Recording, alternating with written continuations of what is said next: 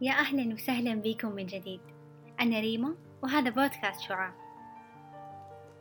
حبيت إن هذه الحلقة تكون من النوع المختلف قليلا لأنها تعني لي وأتمنى أنها توصل لكم وتنال على إعجابكم. قد تصادف بحياتك أشخاص من الممكن أن يكونوا أعداء لك سواء كان هذا ظاهرا لك أو غير ظاهر بمجرد ما أن تعرف أن هذا الشخص يكون لك العداوة والحقد بالتأكيد ستبتعد لكن عندما يكون هذا العدو هو نفسك.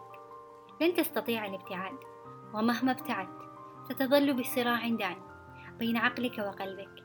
لن تحصل على السلام ولو ادعيت ذلك. بعض الأشخاص ينكر هذه الحقيقة أو لا ينتبه لها لأنه دائما الانشغال بالخارج خارج كينونته. لا يعلم ما يجري بداخله. ماذا يعني أن تكون عدوا لنفسك؟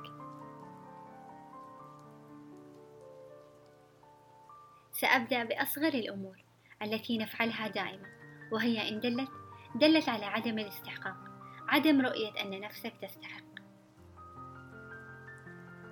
هل تذكر المرات التي كنت تريد بها شيئا ما وبشدة لكن سمعت صوتا بداخلك يخبرك بطريقة ما أنك لا تستحق هذا؟ هل تذكر المرات التي تجاهلت فيها الفرص المقدمة لك فقط لأنك خائف؟ لأنك لا تريد أن تبتعد عن منطقتك المريحة. كسلك وإسرافك لوقتك وجهدك في أشياء لن تشعرك في الرضا وإنما فقط لإضاعة الوقت. تخليك عن أحلامك تخليك عن نفسك عندما فقد الجميع إيمانهم بك أو عندما لا تجد هذا الإيمان بالأصل. عندما تؤذي قلبك لأمور لا تستحق أن تحزن من أجلها.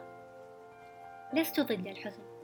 أنا مع أن يأخذ الإنسان فترته بالحزن ليرجع بشكل أقوى وليقدر الحياة وليعرف معنى الحزن وأن يشعر بالآخرين عندما يحزن لكن ليس لدرجة الأذى ليس لدرجة أن تخدش روحك التي وهبها الله لك لأجل أمور بسيطة. هذا معنى أن تكون عدوا للذات التي بداخلك وهذه الروح العظيمة. أعلم دائما أن ما من عدو أخطر على الإنسان سوى نفسه. أخبرني الآن ألست المسؤول عن هذه الأمور؟ أنت لا تذكر آخر مرة قدمت لنفسك بها شيئا؟ من دون مقابل. يقول دوستوفسكي أنت سبب جميع اضطراباتك. أنت عدو نفسك. بل أنت أسوأ أعدائك. أنت الوحيد الذي يملك جميع مفاتيح حظك. أصبح نقص تقدير الذات أمر شائع مع تطور الحياة. ومع مواقع التواصل الاجتماعي والمقارنات من قبل الأهل والآخرين أي أن الدراسات تشير إلى أن قرابة 95% من الناس يشككون أو يقللون من قيمة ذواتهم.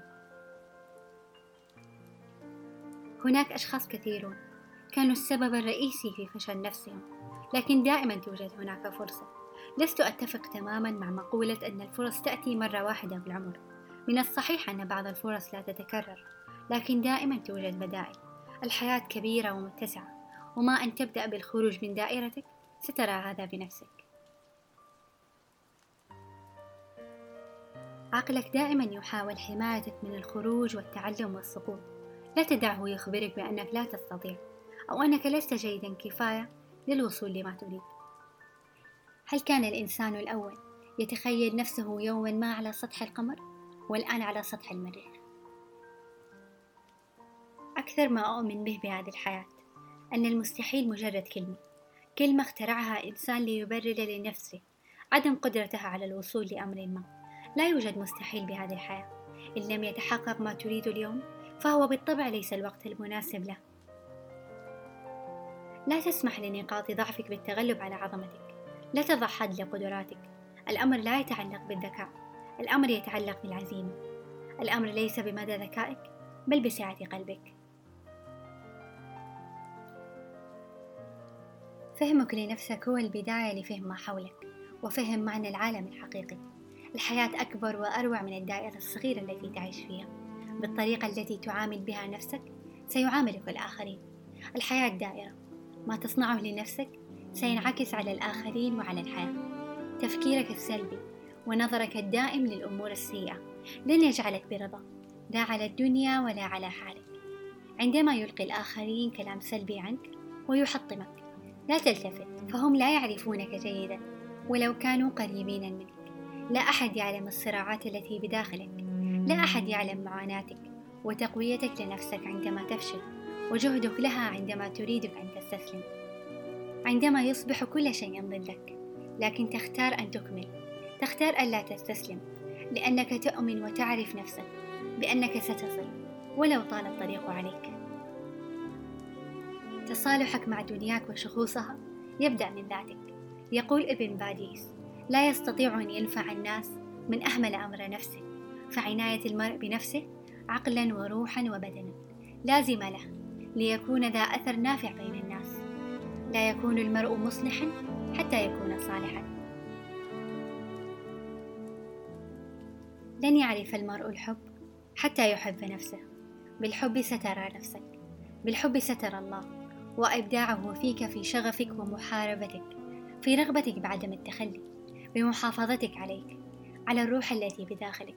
لا يكون الحب في شيء إلا وجمله وكمله وزانه. فماذا عندما يتدفق هذا الحب من داخلك؟ ليرشدك ولينير لك الطريق. وإذا أصلحت نيتك وداخلك صلح لك العالم أجمع ووضع بطريقك ما تريد وفتحت لك الأبواب التي تريدها. لا تستهين بالقوة الكامنة من داخلك. بعد مشيئة الله هي التي ستجعلك تحارب لأجلك. لتصل بالنهاية للرضا والسلام والنور. أخبرني الآن ألا تستحق هذه النفس الموجودة لك ولأجلك؟ الكثير من الحب والتقدير؟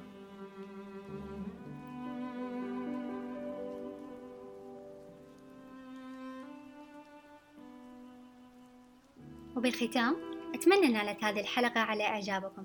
ما تنسوا تقيموها على تطبيق آبل بودكاست ومشاركتها مع شخص واحد يحتاجها. دمتم بخير وطابت كل أوقاتكم.